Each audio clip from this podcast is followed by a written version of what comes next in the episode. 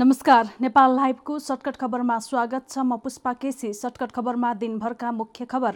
नेपालमा कोरोना संक्रमणबाट थप एक सय पैँतालिसजनाको मृत्यु छ हजार सात सय चौधजनामा संक्रमण पुष्टि छ हजार सात सय सोह्रजना कोरोना संक्रमण मुक्त अक्सिजन सिलिन्डर समयमा सम्बन्धित उद्योगमा भर्नका लागि फिर्ता नहुँदा समस्या भएको स्वास्थ्य मन्त्रालयको भनाई। आगामी दिनमा समस्या निम्त्याउन सक्ने उल्लेख।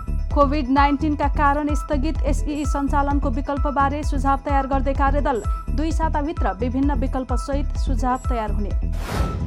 पछिल्ला राजनीतिक घटनाक्रम नेपालको आन्तरिक मामिला भएको भारतको प्रतिक्रिया नेपालमा विकसित घटनाक्रमलाई नोट गरेको भन्दै मित्र शक्तिका रूपमा सहयोग निरन्तर रहने उल्लेख। तल्लो तहसम्म विपक्षी दलको गठबन्धन बनाउने नेपाली कङ्ग्रेसको निर्णय तत्कालका लागि संयुक्त वक्तव्य मार्फत वर्तमान सरकारको विरुद्धमा लाग्ने। राष्ट्रपति विद्यादेवी भण्डारीको चिनिया राष्ट्रपति सी जिङफिङसँग टेलिफोन वार्ता। कोरोना विरुद्धको खोप खरिदका लागि सहजीकरण गरिदिन आग्रह।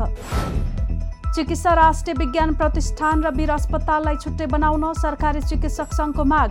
वीरलाई केन्द्रीय अस्पताल र न्याम्सलाई स्वास्थ्य विज्ञान विश्वविद्यालय बनाउनु पर्नेमा जोड।